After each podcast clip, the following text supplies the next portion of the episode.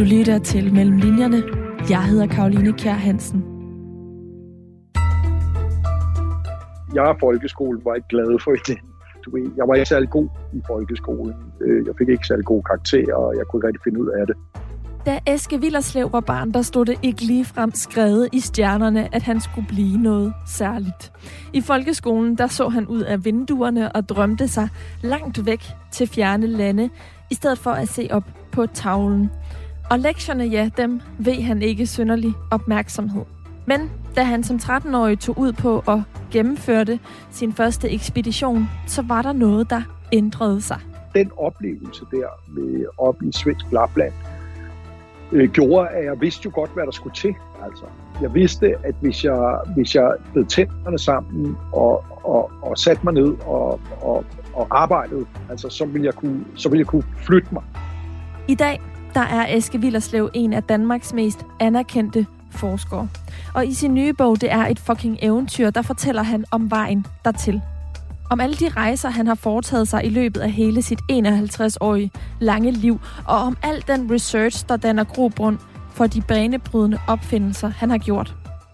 Både de sådan mere konkrete og lykkelige minder, og jeg kan huske, at jeg bliver kontaktet, altså de ringer jo øh, fra NASA, altså, øh, og der ringer de så og spørger, men er der ikke, vi vil gerne tale med professor Villerslev, ringer de til afdelingen for innovationsbiologi, så siger sekretæren, du jamen, her har vi ikke nogen professor Villerslev, men vi har specialstuderende Villerslev. Men også de mere menneskelige og angstfulde erindringer. Og så hører jeg noget, der, der lyder som en kæmpe gris, der går rundt ude ved teltet, sådan, og vi var godt klar over, at der var ikke grise i det område. Det er to bjørne, øh, som så, øh, du ved, er nede ved floden og fiske laks, og så går de op til teltet og går rundt om teltet, skubber det lidt til teltet, og vi er simpelthen ved at skide i bukserne af skræk. Fordi Eske Villerslev, han har et klart budskab til de unge. For at fortælle dem, at øh, forskning er ikke bare noget kun for nogen, der er sådan nogle, du ved, med de bedste karakterer i klassen. Der er altså også brug for, den, øh, for typer, som, som er kreative, som har, øh, som har krudt i røven, som gerne vil ud og opleve verden. Velkommen til Mellem Linjerne, programmet her på Radio 4, der handler om forfatteres research og arbejdsmetoder. Mit navn er Karoline Kjær Hansen. Eske Villerslev, hvor øh, stor forskel er der på at lave et forskningsprojekt og skrive en forskningsartikel til det projekt, og så at lave en bog? Jamen, det er, det er to meget forskellige. Altså, det er meget forskelligt på den måde at forstå, at, at øh, bogen handler jo øh, om alt det, om hele processen, om man vil, ikke? For, der er forbundet med øh, at lave forskningsartiklen. Altså, forskningsartiklen er jo meget knyttet til den rene, de rene videnskabelige resultater. Du beskriver også metodeprocessen, altså hvordan du, hvad er det for nogle metoder, du har, du har, har benyttet dig af, ikke? men det er jo i sådan teknisk øh, sprog, altså fra en forsker til en anden, om man vil. Øh, mens at bogen, det er jo om, øh, kan man sige, de oplevelser, menneskelige oplevelser også, og hvad var det, man mødte, og hvilke tanker gjorde man så øh, omkring de mennesker, man mødte og sådan noget. Og al den, al den type information er slet ikke med i en forskningsartikel. Så på den måde er det forskelligt. Man kan sige, at din nye bog, det er et fucking eventyr. Den rummer ligesom den livslange research, som din banebrydende forskning bygger på. For lige at sætte lidt flere ord på den her forskning, som du har bedrevet, så er du altså uddannet øh, biolog og forsker i dag i DNA, og er det, som man kalder evolutionsbiolog. Du er leder af Københavns Universitets Center for Geogenetik, og så blev du i 2015 udnævnt til Prince Philip, professor på University of Cambridge. Og der har du altså boet sådan godt og vel 80 procent øh, af tiden øh, det sidste øh, år. Det er også der, du sidder lige nu. Hvordan ser det ja. ud der, hvor du, hvor du sidder? Ja, men der er skønt. Jeg sidder her på St. John's College, som er et college, som er mange hundrede år gammel. Jeg kan ikke huske, om det er sådan noget 14 eller 1500-tallet det er fra. Og, og den, øh, den lejlighed, jeg sidder i. Jeg har fået en lejlighed her, en toværelses lejlighed med køkken og bad. Og øh, den, jeg sidder i, den her lejlighed, den er selv fra, jeg tror, den er omkring 1500 år gammel, så gulvet, du man bliver helt søsyg at gå på det, fordi det buer op og ned, ikke? Det er sådan et, øh, altså det er jo, øh, så det, det emmer, øh, kan man sige, stedet her af, af historie. og det er øh, altså meget smukt. Jeg sidder og kigger herud på katedralet, altså så hver college, det er sådan en slags borg, kan man sige. En, øh, en borg, ikke, som hver har sit katedral, og øh, der sidder jeg her og kigger ud på det her nu, det her smukke, det her smukke katedral. Så det er, det, det er et, et, et sted, som emmer af, af, af historie. Og måske også eventyr? Ja, det er det også. Fordi at der er jo, kan man sige, alle de store øh, videnskabsfolk gennem tiden, Einstein ikke, og Fred Sanger, som mand to Nobelpriser, han, var, han boede her på det her college her, ikke, og, og, øh, og Darwin har været her, og Darwins, jeg tror det er Darwins bedste var, han hænger inde i der, hvor vi spiser på et stort billede af ham, sammen med nogle af de andre store øh, forskere, der har været her. Så, så det er et sted, der øh, emmer af forskningseventyr. Og så er det jo også et sted, hvor at folk har taget ud fra rundt omkring i verden. Altså så er det både, kan man sige, forskningseventyr og forskningsopdagelser, men det er jo også øh, ekspeditioner og så videre, der er gået øh, ud fra det her sted her. Så ja, det repræsenterer eventyr på alle lederkanter. De næste 55 minutter, der skal vi øh, tale om det er et fucking eventyr, din nye bog, som handler om den her livslange research, som din banebrydende forskning bygger på.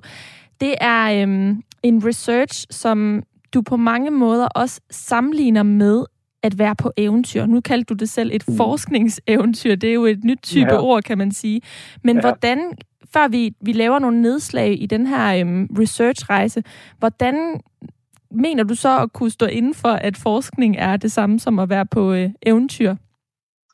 Jo, men altså forskning er for mig i hvert fald blevet noget, som er, øh, som er et større eventyr, end, end om man vil det, man måske kunne kalde det klassiske ekspeditionseventyr. Ikke? Altså det var der, jeg startede. Jeg startede med at at godt kunne, tage, godt kunne lide at rejse ud, du ved, langt ud i verden, øh, ud til ødemarkerne, og så opleve det der klassiske eventyr, hvor man oplever en, du ved, natur og mennesker, som, som er ukendt for de fleste.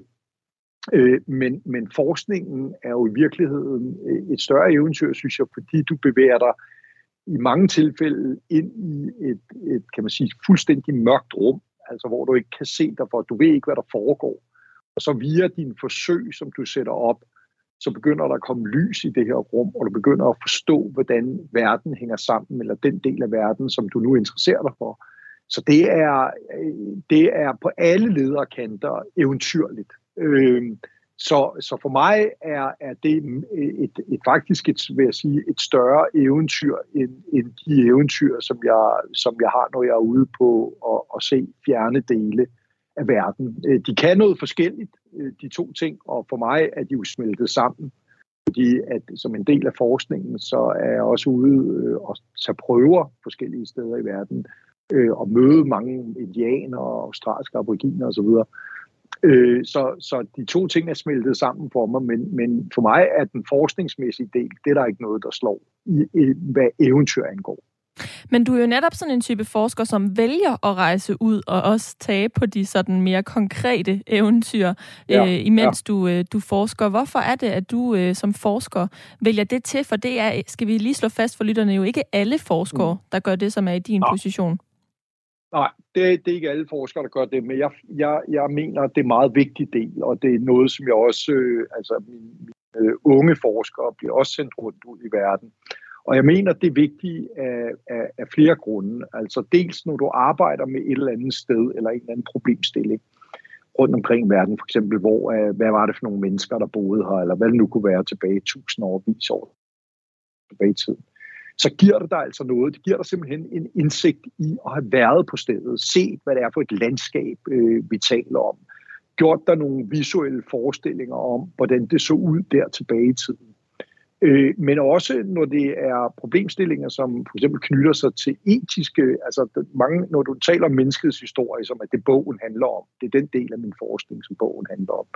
Og øh, når man taler om menneskets historie, så er det jo noget, som er mange gange meget etisk følsomt. Altså det, det, det, er, ikke, det er noget, som ud over de videnskabelige resultater og hvordan du, du prøver at sige, på at genskabe verden, om man vil, så er det noget, der har betydning for mennesker, der lever i dag. Og derfor skal du også kunne forstå de mennesker øh, og møde dem der, hvor de er, så at sige. Og så endelig vil jeg sige som forsker, at hver eneste del af sådan en forskningsproces der kræver utrolig, en utrolig indsats for de mennesker, der er involveret. Så, så også sådan for, med hensyn til sammenholdet, med hensyn til forståelsen for hinandens arbejde osv., og som igen får en betydning for fortolkningen af dine data, hvor er det fejlkilderne er osv., så, så har det altså en, øh, en meget stor værdi, synes jeg, det her med at være igennem hele processen, og ikke mindst komme ud og, og tage prøverne. Jamen hele processen får man jo virkelig et indblik i ved at læse din nye bog. Det er et fucking eventyr, og man får også et indblik i, hvordan du håndterer øh, delene af processen. Fordi, som du siger, så er det jo også et meget, øh, i virkeligheden, udadvendt arbejde eller forsknings, øh, ja. forskningsområde, fordi det har med mennesker at gøre. Og hvis vi lige, inden vi laver de her nedslag øh, i din øh, livslange researchrejse, så sæt lidt flere ord på, på den forskning, du har været med til at bedrive, og som du også skildrer i øh, Det er et fucking eventyr, så vil jeg sige, at det grundlæggende har øh, med at gøre at udfylde huller i det, vi kalder evolutionshistorien, og give viden om, hvordan mennesker fra forskellige kulturer historisk set er forbundet, altså hvordan øh, folk fra Sibirien er forbundet med folk på Grønland, og igen, hvordan mm. nogen af, fra Europa er forbundet med øh, amerikanere. Hvordan vil du selv forklare den her forskning øh, for lytterne? Ja, og altså, hvis jeg skulle prøve at sige det sådan ret øh, simpelt, så, så går den her forskning i menneskets historie, som vi laver, den går ud på at forstå, hvorfor er vi blevet til dem, vi er i dag. Altså, hvordan kan det være, at øh, du ved, der lever asiater i Asien, europæer i Europa, hvordan kan det være, at der er forskelle og ligheder mellem forskellige menneskegrupper på jorden? Og det er simpelthen, man kan sige, det er de processer, der har ført til, at vi er dem, vi er i dag rundt omkring på jorden. Det er det, vi arbejder med. Og så kan man sige sådan en, en, en øh, identitetsting i det, og så er der sådan en, en kan man sige, mere medicinsk orienteret øh, ting. Ja, og den her identitetsting har i hvert fald også rigtig meget ja. med magt og med magtkampe at gøre, som øh, du kommer ja. øh, ind på i bogen. Det er et fucking eventyr. Et helt afgørende øjeblik i din øh, karriere, både personligt og fagligt, det er i 2010, hvor du får fat i den her helt særlige hårdtot, som, øh, som kan give viden om, hvordan der har været en indvandringsbølge af mennesker fra Sibirien til Grønland for meget, meget lang tid siden. Og det nedslag, det vender vi tilbage til lidt senere, fordi først så skal vi tilbage altså endnu længere tilbage i tiden, til 1900 1984. Der var du kun 13 år, og man kan argumentere for, at dit research til al den forskning, du har bedrevet lige siden begyndte her, det var et år, hvor du lyttede til den her slags musik. Now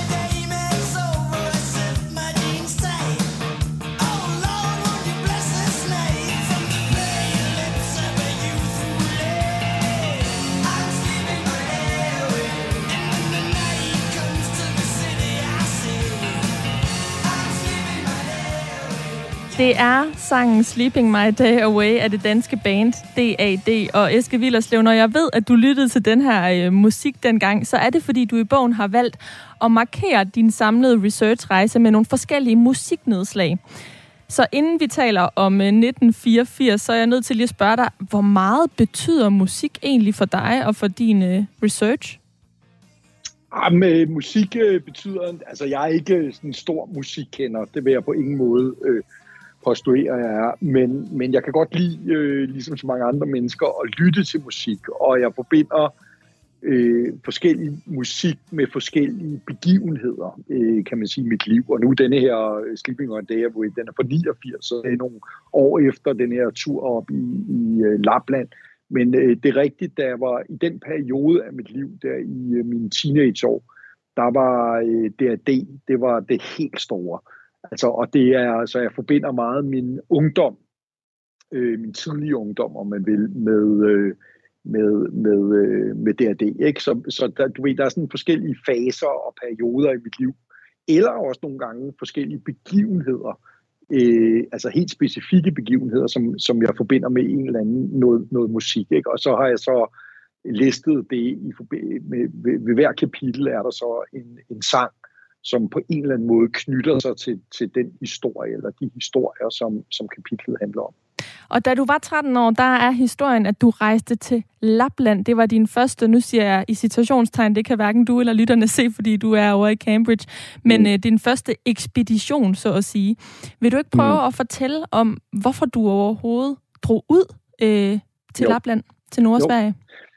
jo, men det kan jeg godt. Altså, øh, Øh, dengang der gik jeg i folkeskolen, og øh, det var, øh, jeg og folkeskolen var ikke glad for det.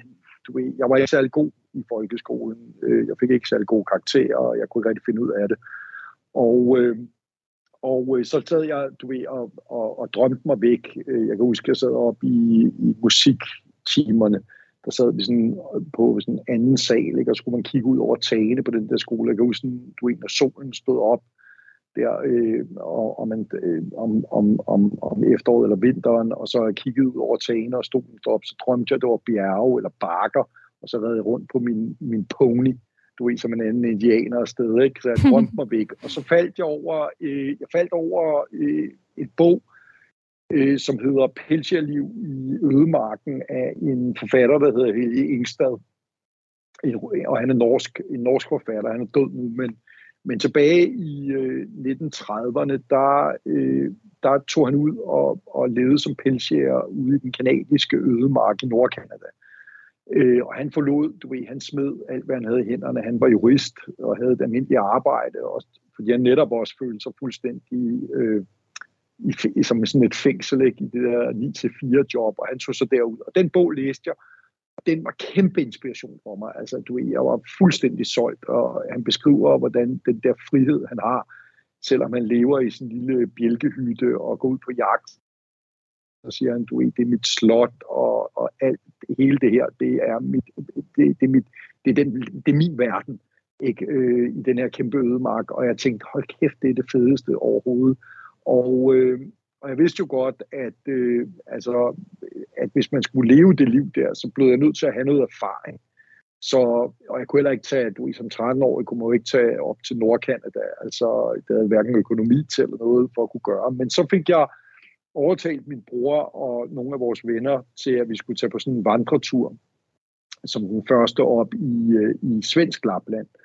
Og øh, hvad hedder det, vi købte, vi havde jo ikke ret mange penge, så vi købte sådan noget på du ved, militær overskudslager, gammelt lortetøj og, og så videre, og vores forældre, men jeg husker, min far, han gav mig og min bror en pibe hver og noget tobak, og så tog vi afsted, og øh, efter et par dage, da vi kom derop, det var meget skræmmende, vil jeg sige. Altså man kom op, du ved, der var kæmpe store sorte fjelle og brusende fosser og, og så videre, men vi vandrede afsted der, og efter et par dage, så fik vi, havde vi jo alle sammen vabler på fødderne og vabler på skuldrene, og det var en stor elendighed. Og så sagde øh, de der kammerater, den sagde, vi gider simpelthen ikke der mere. Vi venter, vandrer tilbage til øh, hovedbyen, som hedder Bisko, og så går vi ture derfra. Men min bror og jeg, vi besluttede os for at, at fortsætte, og vi gennemførte så den her tur, på trods af alle de her vabler og, og elendighed, og vi var også ved at skide i bukserne, øh, vil jeg sige, øh, i den uge, der det varede.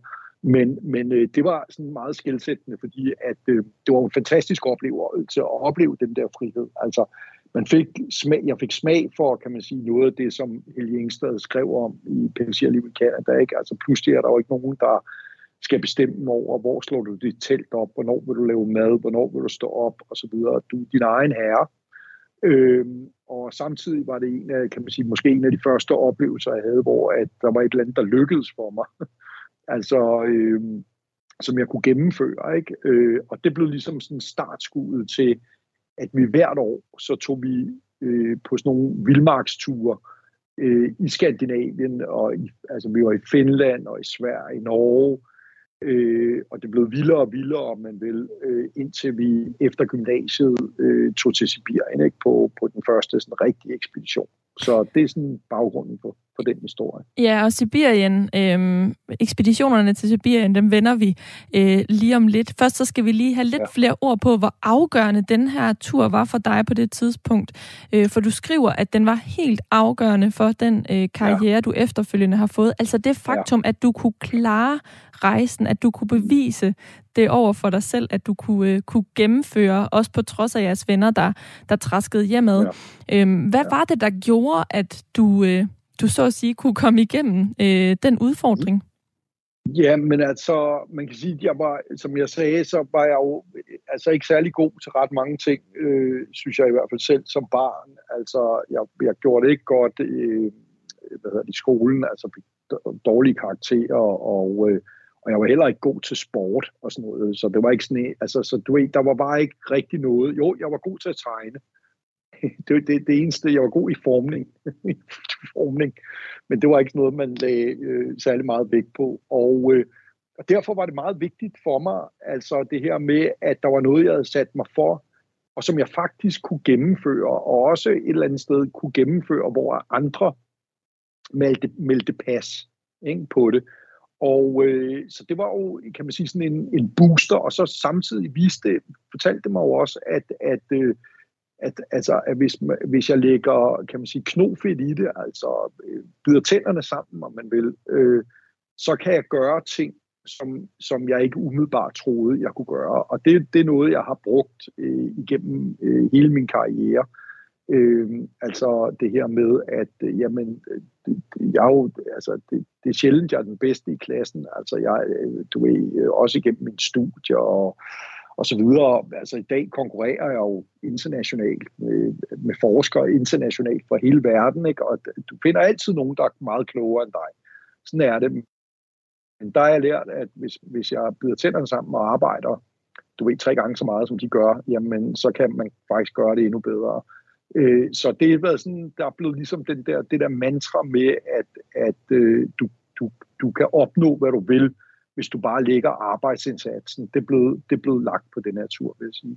Og det var også noget, som du tog med dig ind i, øh, i gymnasiet for Eske. Det lyder jo ret vildt, når du fortæller om, hvordan du klarede dig dårligt, når man tager øh, den position, øh, forskningsmæssige position i betragtning, som du har i dag. Men allerede i gymnasiet begyndte du at, øh, at klare dig øh, en del bedre, og endte også med øh, årgangens ja. anden højeste øh, snit. Var ja. det, fordi du var på den her rejse, og allerede der gjorde dig den her erfaring? Altså? Ja. Ja, det var det nemlig. Altså, fordi jeg havde fået den erfaring med mig. Øh, så, så du ved, det var så, det var så elendigt. Jeg kan huske, at øh, jeg gik til sådan en forældremøde der, jeg tror, det var i 8. eller 9. klasse, og vi gik fra, du ved, med mine forældre fra den ene lærer til den anden for at få de her udtalelser, ikke? og man kunne bare se, hvordan de hver især sad og vred sig, altså, fordi de kunne bare ikke for, kunne sige et eller andet positivt, ikke? og der var bare ikke noget positivt at, at, at sige. Og, øh, og jeg kunne se, du ved, mine forældre så meget mere og mere bekymrede ud, og lærerne så bekymrede ud, og, og, og, og jeg, og du ved, jeg var også ude i, altså, jeg, du ved, jeg, jeg var ude i noget småkriminalitet, og røg has, og drak øh, alt, øh, for meget, og alt det her, og øh, gik med det forkerte selskab, sagde de voksne. Øh, og, øh, og der kan jeg huske, at jeg sådan ligesom tænkte, det her kan bare ikke fortsætte. Altså, det er simpelthen uholdbart. Altså, jeg kommer, hvis jeg fortsætter med det her, så kommer det til at ende helt galt. Ikke? Øh, det går ikke. Og, og der den oplevelse der med, op i svensk Lapland, øh, gjorde, at jeg vidste jo godt, hvad der skulle til. Altså, jeg vidste, at hvis jeg, hvis jeg bed tænderne sammen og, og, og satte mig ned og, og, og arbejdede Altså, så ville jeg kunne, så ville jeg kunne flytte mig. Så kunne, ville jeg kunne komme fra, øh, kan man sige, den elendighed over til noget bedre. Og det var det, jeg gjorde. Så da jeg ankom i første G, øh, så var jeg fuldstændig målrettet. Altså, jeg, var, jeg, jeg vidste, du ved, nu skal der bare arbejdes. Og fordi jeg ikke havde fulgt med ordentligt, og ikke kunne noget der i folkeskolen, så var der jo en masse ting, jeg, altså, jeg, jeg ikke havde lært. Og det, så det var en virkelig stiv learning curve. Altså det, der skulle virkelig knokles, altså, ikke? hvor jeg skulle indhente meget af det, som andre havde taget til sig i folkeskolen. Det skulle jeg altså lære, ud over at lære det, som man så også skulle lære i gymnasiet. Og det betyder også, at der er nogle ting, som jeg aldrig rigtig har lært. Altså sådan noget brøkregning for eksempel, og jeg, jeg har aldrig lært rigtig at kunne stave ordentligt og sådan nogle ting. Altså, så der er noget, jeg aldrig, som så at sige, jeg missede på vejen. Men, men jeg, jeg knoklede, og jeg knoklede. Og fordi jeg knoklede og knoklede, så steg jeg og steg jeg i, i karakterer.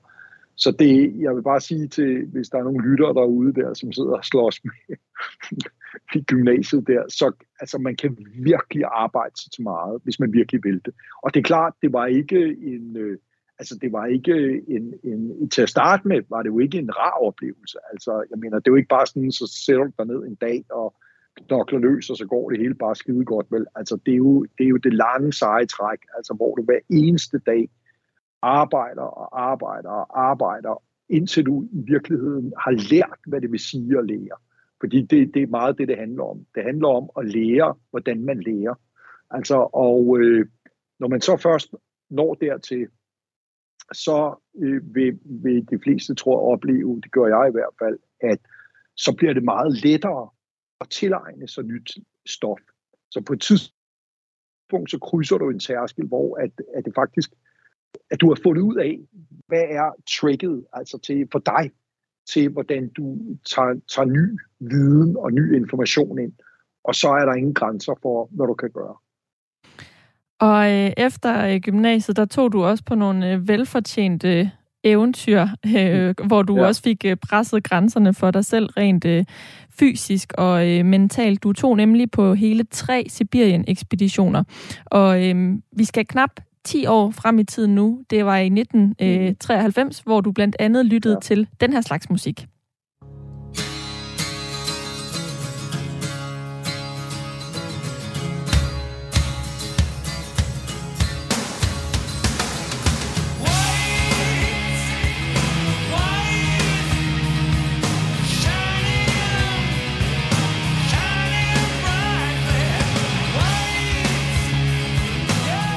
Det er The Cult med White. Og øhm, når jeg siger 1993, så er det der, du havde din tredje Sibirien-ekspedition.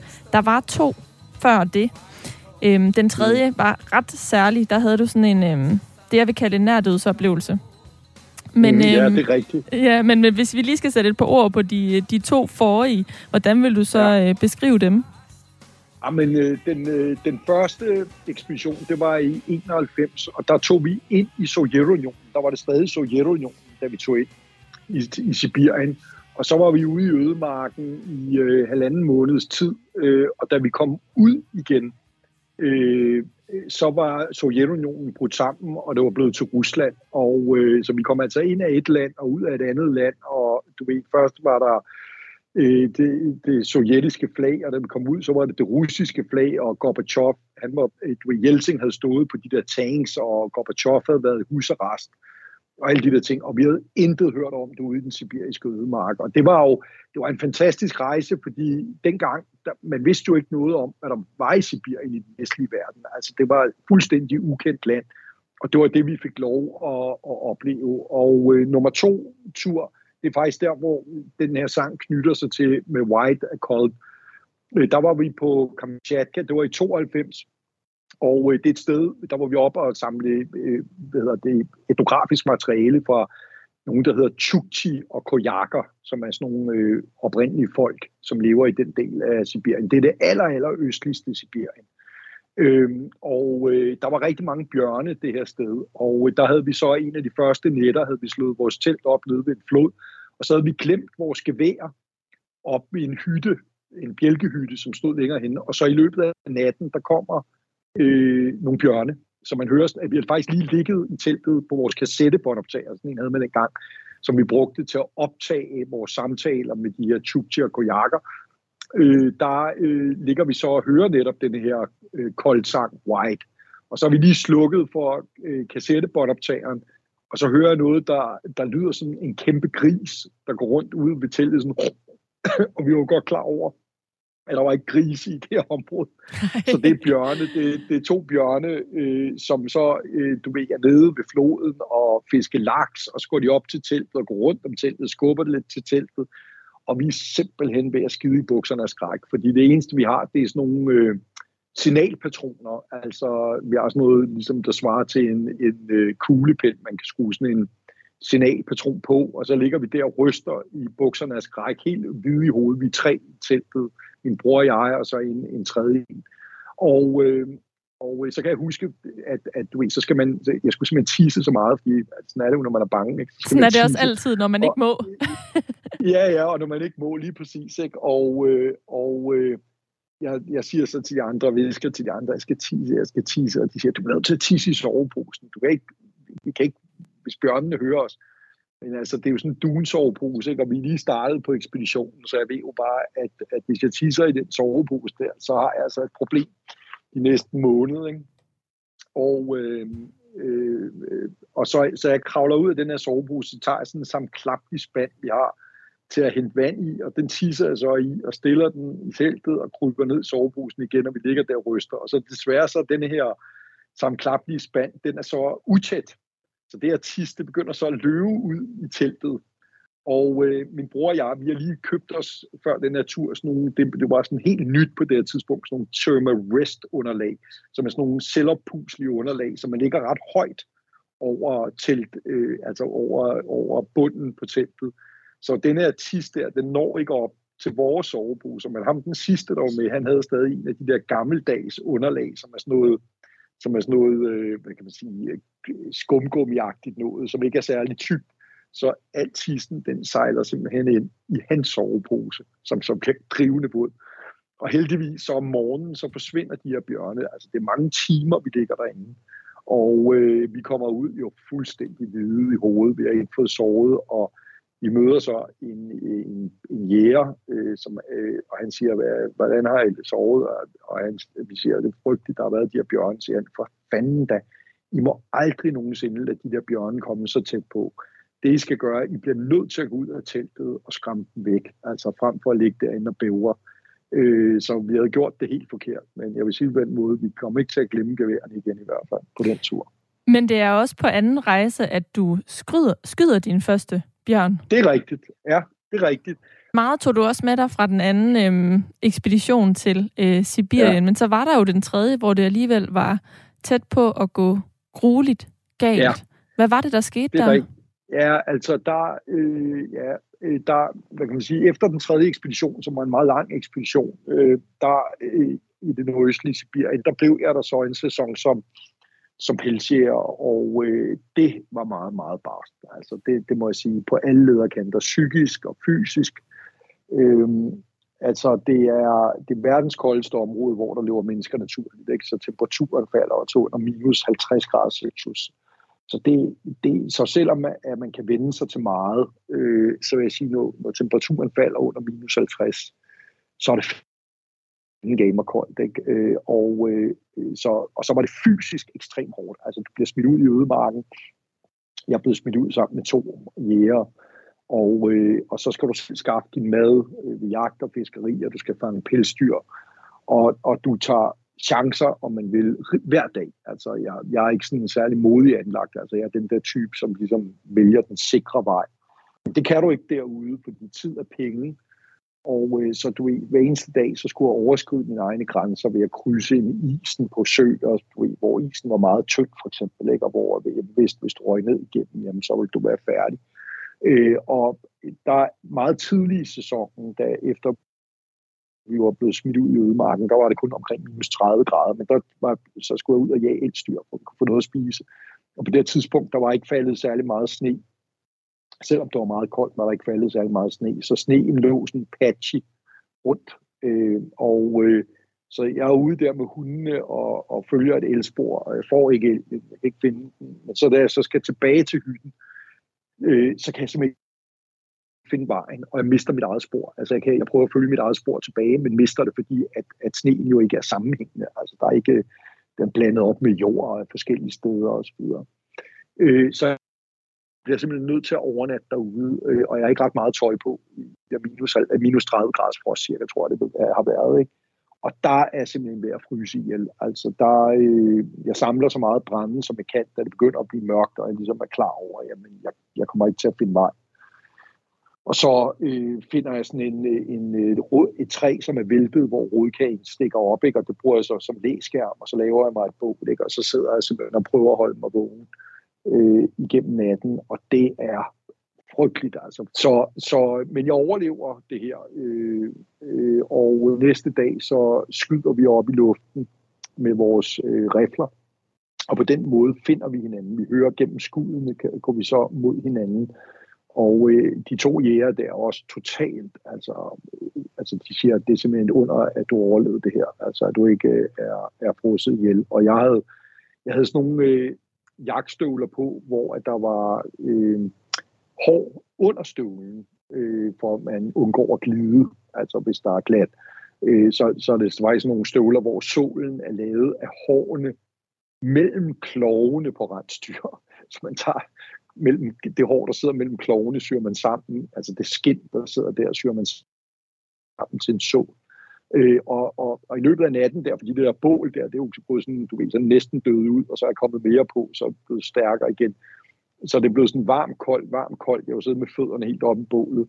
Så der er blevet dannet så sådan nogle store isklodser under fødderne på mig, så jeg, da jeg møder dem, så går jeg simpelthen som sådan en anden tumling på sådan nogle isklodser, øh, og, og møder dem. Så det er både selvfølgelig et, et lettelsesuk, men også et meget komisk møde, fordi jeg kommer gående på de der isklodser der. Ikke? Det, er ikke meget, det er ikke meget heldagtigt, men øh, reddet det bliver jeg, og jeg overlever det her. Var du slet ikke bange på noget tidspunkt? Jo, eller jeg var ikke bange faktisk. Det overraskede mig øh, i virkeligheden, fordi jeg havde egentlig troet, jeg ville være virkelig bange. Men det er jeg faktisk ikke.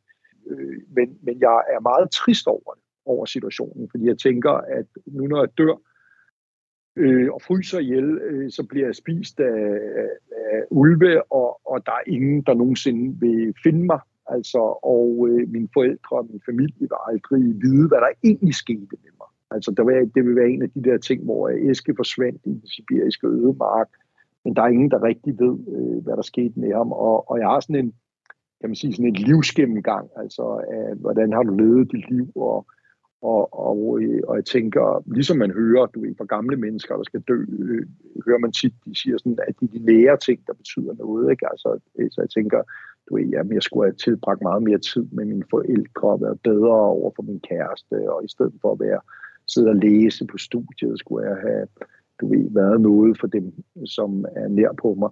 Så det er sådan, sådan nogle, øh, jeg har, ikke? og så forsvinder jeg ligesom hen. Og der ser, hører jeg så sådan en stemme, som taler til mig på noget, som jeg mener er yukagirisk, som er sådan et, et næsten uddødet sprog. Altså jeg kender, jeg forstår ikke yukagirisk, øh, men jeg kan ligesom høre, det er det, jeg finder det med i hvert fald. Øh, men jeg ved ikke, hvad stemmen siger til mig. Øh, og så øh, vågner jeg ligesom op igen, og, øh, og, øh, og det vilde er, eller det mærkelige er, om man vil, det er, at denne her, man skulle tænke sådan, jamen hold op, hvor har du, nu har du virkelig haft chancen, altså du har virkelig, kan man sige, gennemgået dit liv og fundet de vise sten, eller hvad man kan sige, hvad er vigtigt her i livet. Men, men det jeg oplever, det er, at øh, da jeg kommer tilbage igen øh, til Danmark og civilisationen og kommer ind i den almindelige trumrumme, så, så kan man sige, så fortsætter jeg egentlig med at leve det liv, den type liv, og, og mange af de prioriteter, jeg har, jeg er ikke i stand til at, at ændre det i forhold til, kan man sige, den øh, livsindsigt, som jeg sidder der på mit dødsleje jeg får, hvilket egentlig har undret mig bagefter at øh, jeg tænkte på det her med, at øh, jamen, hvorfor er jeg ikke blevet klogere, om man vil. Men det, det er jeg, det, det, det er jeg til synligheden i hvert fald ikke i stand til at efterleve. Det er, Så, ja. det er en meget vanskelig periode i dit liv, som følger efter, og det er en periode, hvor ja, du blandt andet lytter til øh, den her slags musik. If you go when the snowflakes fall when the rivers freeze and summer ends. Det er sangen Girl from the North Country af Bob Dylan og Johnny Cash. Og det er jo en lidt anden stil end den anden slags musik, øh, der er, er på, din, øh, på din playlist, Eske Villerslev. Hvad ja. er det? Er der, er der nogen særlig årsag til, at du sådan, øh, begynder at høre andre toner eller skifter musiksmag på det her tidspunkt? Ja, Ja, men det er en meget vanskelig tid for mig, det der. Altså, jeg kommer tilbage øh, til Danmark. Altså, jeg får lige fanget skidt nok til at have til billetten hjem. Altså, jeg har ikke nogen stor jæger. Øh, solbeskind nok, og så jeg kan få den her billet og kommer tilbage, og det er helt af helvedes til. Altså, jeg kan, jeg kan slet ikke... Øh, jeg kan slet ikke øh, finde mine egne ben. Øh, altså, det virker meget... Altså, du, jeg har tilbragt øh, Altså når du peltier, så handler det basalt set om at sove, æde og slå ihjel. Og dit liv er meget, meget simpelt. Og øh, pludselig kommer jeg tilbage, og, og jeg kan huske, du ved, jeg går, går hen af, af vejen, så står der, øh, du ved, stien hører op om et eller andet 10 meter, ikke? og øh, du ved, og kigger hen så på, på højspændingsledningsål, og du må ikke kravle op i højspændingsmasten, ikke? og det virker simpelthen så fuldstændig meningsløst for mig, øh, og så skal jeg læse op til genetikeksamen på biologi, altså som også virker totalt meningsløst. Øh, så jeg har sådan en, en, en periode, hvor jeg simpelthen ikke kan finde mine egne ben. Øh, altså jeg ved ikke, om jeg skal tage tilbage til Sibirien, men så ved jeg godt, at hvis jeg gør det, så kommer jeg aldrig hjem igen.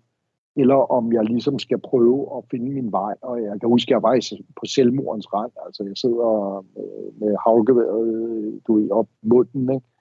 Så, så og jeg, altså, du ved, jeg kommer ind på studiet, jeg vil ikke smide mine jagtbukser, for eksempel. Altså, så jeg havde de der jagtbukser, som var sådan fuldstændig sorte på lårene, fordi jeg havde fået det der blod fra alle de der dyr, man, jeg havde siddet og parteret, ikke? Øh, og dem kommer jeg ind på, til forelæsningerne på Københavns Universitet, og du er en studiekammerat, der står bare og kigger, altså, hvad er det for en galning, altså, der er kommet ind på, på studiet. Så det er en meget svær tid, og, øh, og øh, det, der, der, det er der, hvor jeg lytter til den type musik, som vi lige hørte her med Bob Dylan, altså sådan en mere, hvad kan man kalde det, måske mere tænksom, øh, følelsesmæssig, øh, øh, følelsesladet øh, musik. Der øh, kan man sige, på mange måder, der bliver det forskning egentlig, som kommer til at redde mig ud af denne her, øh, øh, altså denne her øh, manglende retning, og, og, og at, at jeg ikke kan finde, jeg ikke kan finde vej. Fordi jeg ved ikke, hvad jeg skal, og, og jeg har egentlig ikke tænkt mig, at jeg skulle være forsker. Jeg synes ikke, det var særlig morsomt, det var særlig interessant at, at gå på universitetet og lære om, hvad, hvad alle andre har fundet ud af, og når man lavede forsøg, så var det jo forsøg, som tusindvis af unge mennesker havde gjort før dig. Altså, så det, jeg synes ikke, det var specielt interessant. Øh, og så får jeg lov til at lave det her speciale, øh, hvor jeg for første gang får lov at lave mit eget forsøg, øh, som går ud på at se, om man kan få udvindet DNA fra iskerner fra Grønland. Og jeg kan huske, at jeg bliver kontaktet, altså de ringer jo øh, fra NASA, altså øh, og så spørger de, du ved, ringer de til afdelingen, fordi der er ikke nogen, der har fundet ud af det her før med, med denne is. Og man har en interesse for, i det grund af, at der er iskapper på Mars, så man er interesseret i, hvad er muligheden for at, at sende sådan en robot op til Mars, som kan smelte sig vej ned gennem en af Mars' iskapper og leve, leve efter liv øh, tilbage i tiden. Ikke? Og der ringer de så og spørger, men er der ikke, øh, vi vil gerne tale med professor Villerslev, ringer de til afdelingen for evolutionsbiologi, og så siger sekretæren, du jamen her har vi ikke nogen professor Villerslev, men vi har specialstuderende Villerslev. Nå, men det er så ham gerne vil snakke med. Øh, og det er, jo, det er jo en fantastisk oplevelse, det der med at opdage noget, som ingen andre vidste, og som har en stor interesse, altså. Så jeg er fuldstændig solgt. Øh, så jeg tænker, det er det, jeg skal være. Jeg skal være forsker. Altså fordi, at du oplevede gennem den her forskning, eller den her interesse, at, øhm, at dit liv fik mening? Altså at du havde forstået den her ja. meningsløshed før? Ja, det fik mening. Det fik mening, og øh, man kan sige, at jeg opdagede, at, øh, at eventyr også være noget andet end bare det, kan man sige, at rejse ud til fjerne egne. Altså eventyr øh, kan være det også at opdage og opleve, opdage noget nyt. Øh, og den, den rejse, om man vil, selvom at det er en, i højere grad en mental rejse, om man vil, en, en nødvendigvis en fysisk rejse, det blev jeg fuldstændig øh, solgt ved. Og, og, og det er jo en kreativ ting. Altså det at studere, synes jeg, i hvert fald dengang jeg studerede, øh, var ikke særlig kreativt. Men det er der at forske. Altså meget af det, det der skiller forne fra bukkene, det er, om du kan gøre noget, som andre ikke har gjort før. Og Det er jo kreativitet, altså. Det er at se sammenhængen, som andre ikke har set før. Eller finde på at lave et eksperiment, som andre ikke har fundet på før. Og den del af det, det elskede jeg bare. Altså, jeg synes, det var fantastisk. Jeg er stadigvæk ikke, øh, jeg havde at læse. Øh, så du ved, i dag, øh, der er det sådan, fordi jeg har den standing, jeg har, så kan jeg jo så ringe til nogen i stedet og bede dem om at holde et foredrag, hvis der er et andet, som jeg synes er, er, er, er spændende. Ikke? Og så kommer de som regel, siger de ja, og så kommer de og holder foredrag, og så stiller jeg en masse spørgsmål, og så på den måde, så får jeg information om et eller andet nyt felt, som jeg gerne vil måske gå ind i og lave noget forskning i. Øh, men, men, men resten af det er jo at finde på noget nyt. Altså, det er at gøre noget, som andre ikke har gjort. Og det, er jo, det, er jo, det har intet at gøre med, med, med det, du lærer i skolen. som altså, man, det, det, det, jo, altså der vil jeg sige, der kommer det tætteste på, det er nok formningstimerne i virkeligheden, hvor jeg var god. Ikke? Altså det her med at finde på noget andet og finde på noget nyt. Og det er altså, hvis du kan lide det sådan noget, og, og innovation og kreativitet og sådan noget, så er det en fantastisk mulighed. Og det er det, jeg, jeg, synes, det er så synd, at, øh, at i hvert fald dengang jeg gik i skole, og jeg tror også til dels det stadig er sådan, når jeg kigger på mine børn, altså det, der er så lidt af den del af det. Så men Eske, er det i virkeligheden derfor, at du har skrevet, det er et fucking eventyr, altså for at øhm, fremsætte eller bevise det her argument med, at forskning handler i højere grad om kreativitet og tænke ud af boksen og nysgerrighed frem for at være regelret og øh, øh, kunne, kunne stå øh, ret op af skolebænken, så at sige? Ja. Altså, jeg har skrevet bogen øh, med, det, med den idé om, at jeg gerne vil øh, få flere unge mennesker til at gå blive forskere. Altså gå ind på universiteterne og blive forskere, og så er det for at fortælle dem, at øh, forskning er ikke bare noget kun for nogen, der er sådan nogle, du ved, med de bedste karakterer i klassen, og som bare godt kan lide at sidde foran en computer, eller sidde med nogle reagenser og, og, og blande dem sammen. Dem er der også plads til. Det er vigtigt at sige. Altså det, det smukke med forskningen er, af forskningen, for at få lavet groundbreaking forskning, har du brug for mange forskellige personlighedstyper. Du har ikke kun brug for en, så der er faktisk plads til alle. Øh, alle typer af, af interesser og, og, og hvordan du er som person. Og, og det, som den her bog forhåbentlig øh, vil give en, et, et billede af, det er, at der er altså også brug for den type, som man ikke klassisk forbinder med det at bare være god i skolen og gå i skole og sidde og læse dine bøger og, og være god til at regne og sådan noget. Der er altså også brug for den øh, for typer, som, som, øh, som, som er kreative, som har, øh, som har krudt i røven, som gerne vil ud og opleve verden, som gerne vil ud og grave nogle steder, som, som godt kan lide at interagere med mennesker. Altså, det har naturvidenskabelig forskning også brug for, og, og det håber jeg, at, øh, at, at bogen her er, er med til i hvert fald at give billede af. Og det var altså en erkendelse, som du gjorde dig øh, første gang lige omkring øh, årtusind øh, skiftet. Siden da, der har du øh, afleveret din Ph.D.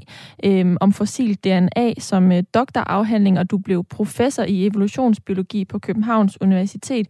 Og det er jo tankevækkende, Eske Villerslev, at du øh, valgte den biologiske vej, når du har været på mange ekspeditioner med din bror Rane Villerslev, som er direktør for Nationalmuseet, og som jo valgte social antropologi. Hvorfor øhm, ja. var det lige biologi, du endte med at gå nedad og har fået de her erkendelser igennem? Ja, Jamen, det er fordi, jeg oplevede i gymnasiet, øh, opdagede jeg allerede, at naturvidenskab har en utrolig power, som, øh, som øh, jeg ikke synes, du finder hos humaniorer. Men, men, men mange af de spørgsmål, som interesserede mig, de var af humanistisk karakter. Så, så da jeg kom og sagde, at jeg ville kigge på menneskets historie og sådan noget, så brystede man jo på hovedet, altså på de afdelinger der på Københavns Universitet Biologi, hvor jeg var. Fordi det var ikke noget, der hørte til sig der. Men det har jo vist sig at være en super cocktail, altså at, at blande de to. Og det var altså en erkendelse, som du i den grad gjorde dig i øh, 2010, det her øh, famøse tidspunkt på din øh, samlede researchrejse, som jeg øh, nævnte øh, indledningsvis. Det var et tidspunkt, hvor du øh, blandt andet lyttede til sådan noget musik her.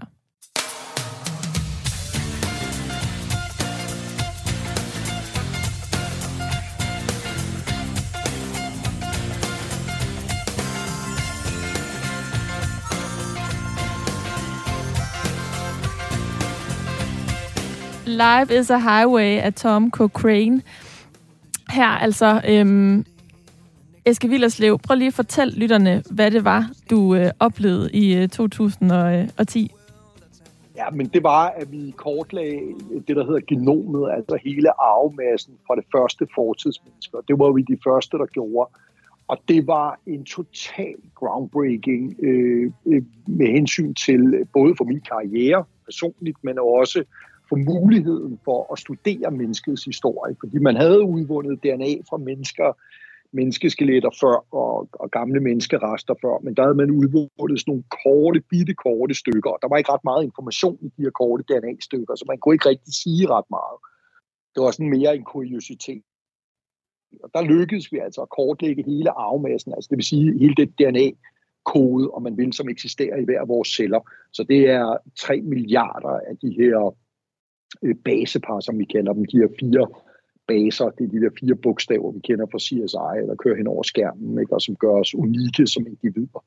Og det betød, at øh, det gjorde vi fra en hårdtøj på Grønland, som er 4.000 år gammel, og vi kunne vise øh, med, den, med den, øh, det her genom, at, der, at det repræsenterede en, u, en ukendt indvandring fra Sibirien ind i Amerika og videre ind i Grønland for omkring 5.500 år siden øh, og som ikke har, kan man sige, som uddøde øh, senere.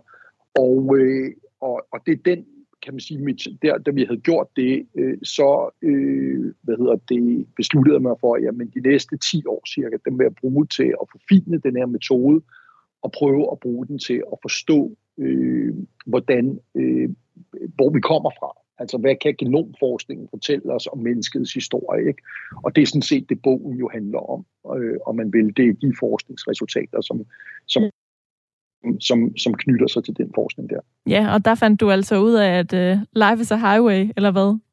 Ja, altså det er jo fordi, at uh, grunden til, at jeg tog den sang, det er jo fordi, at det var så groundbreaking, altså for, også for min personlige karriere. Altså det, det er jo meget sjov uh, historie, der knytter sig til det, fordi jeg vil gerne lave det her studie, øh, og, og øh, jeg bad om halvanden million kroner, og jeg søgte forskellige danske fonde for det, de her sædvanlige forskningsfonde, og fik øh, en af to svar. Altså det ene var, et, det kunne ikke lade sig gøre, eller to, det kan ikke lade sig gøre, selvom hvis det kunne lade sig gøre, er det ikke interessant. Så jeg kunne simpelthen ikke få de der penge. Og så jeg gik rundt halvandet år og prøvede at, at rejse de der penge, og halvanden million kroner i naturvidenskabelig forskning er altså ikke ret meget. Øh, selvom det lyder mange penge, så er det ikke ret mange penge på, til sådan en, en, en, en eksperimentel øh, forskningsbevilling. Øh, og så øh, hører jeg så om en fond, øh, som ham her, der hedder Frederik Poulsen har, det er ham, der er Færing Koncern. Og jeg skriver så til ham, og jeg får et svar, der hedder, om desværre den der fond, den har nedlagt. Men så siger han, jeg synes simpelthen, det lyder så fedt, det her projekt her, så jeg vil gerne give dig 250.000 af mine egne penge. Så hvad er din bankkonto? Så, så siger jeg, bankkonto, og så får jeg par dage efter øh, 260.000. Og det er nok til at vise, at det godt kan lade sig gøre. Og så sender jeg en ansøgning ind til Lundbækfonden, som så finansierer de her halvanden million øh, kroner. Og et år efter har vi så lavet det her første genom fra et fortidsmenneske, øh, som kommer på forsiden af Nature, tidsskriftet Nature, og som altså er fuldt går over hele verden. Altså, det, ja, du ved, jeg blev inviteret på øh, frokost med Jim Watson, ham der, der fik Nobelprisen for at finde DNA-strukturen, og folk ringer til Københavns Universitet for at få lov at rundt omkring i verden og komme til København og lære det her. Så det er en groundbreaking øh, ting, og det er derfor, den her sang her, øh, jeg synes, den passede godt til den. Men meget er jo sket siden, Eske Villerslev, øh, siden 2010, og i bogen der nævner du forskellige øh, episoder, blandt andet en fra 2015, som gjorde indtryk på mig. Det er en episode, hvor du får mulighed for at undersøge et øh, gammelt skelet, som har været en øh, magtkamp mellem amerikanerne og indianerne ja. i mange år, øh, fordi det har betydning for, hvem jorden ligesom tilhørte først. Der er også en episode med øh, hestemælk og kød, og der er en episode ja. med, øh, med guldstøv. Øhm, alle de ja. her episoder kan man altså læse mere om den her samlede forskning. Vi har talt om researchen, altså researchrejsen op til, at den her forskning har, øh, har fundet sted. Men Eske ja. Villerslev, den sidste sang, vi skal høre, den øh, illustrerer, at du også rent menneskeligt har erkendt, at den her livsstil har øh, en pris, som man skal være villig til at betale. Altså at være en eventyr og en forsker, som er lidt det samme, som du mener mener, det har altså en, øh, en pris. Hvad er det helt præcis for en pris? Jamen, altså, det er klart, at, at når man, altså, at være forsker, i hvert fald på det niveau, altså hvor du er øh, kan man sige, sådan internationalt øh, en af de førende, altså, det er en livsstil. Altså, det er ikke bare et arbejde. Altså, du arbejder hele tiden, du tænker hele tiden øh, på det, og det, er klart, på privatlivet øh, har det en, en, en pris, altså i forhold til den tid, du øh, har med dine børn, øh, den tid, du har med din familie og, og så videre. Så det, det kommer, men det tror jeg ikke øh, er noget, der kun knytter sig til forskningsjobbet. Det knytter sig nok til de fleste jobs, hvor man, hvor man ligesom skal ligge helt ude i spidsen af raketten. Ikke? Så, så der er jo ikke noget, der kommer gratis. Altså det er, du sidder, altså jeg har boet i Cambridge, som du selv sagde, ned sidste år her. Ikke? Nu er min familie så med mig, og de flytter hertil. Men vi har været adskilt fra hinanden øh, i lange perioder, og, og jeg har rejst rigtig meget. Altså, så, så, øh, så der kommer en pris på den kant der. Det gør der. Sangen, vi skal høre, er Neil Young, My My, Hey Hey, Out of the Blue. Og Eske Villerslev, jeg vil sige tusind tak, fordi du vil tale med mig i dag og fortælle om researchen til og arbejdet mellem linjerne i din banebrydende forskning, som man altså lige nu kan læse meget mere om i bogen. Det er et fucking eventyr. Selv tak. Og også en stor tak til dig, der lyttede med. Bogen det er et fucking eventyr udkom den 22. juni på forlaget Gyldendal. Programmet her det var tilrettelagt af mig, og jeg har også været din vært. Mit navn er Karoline Kjær Hansen.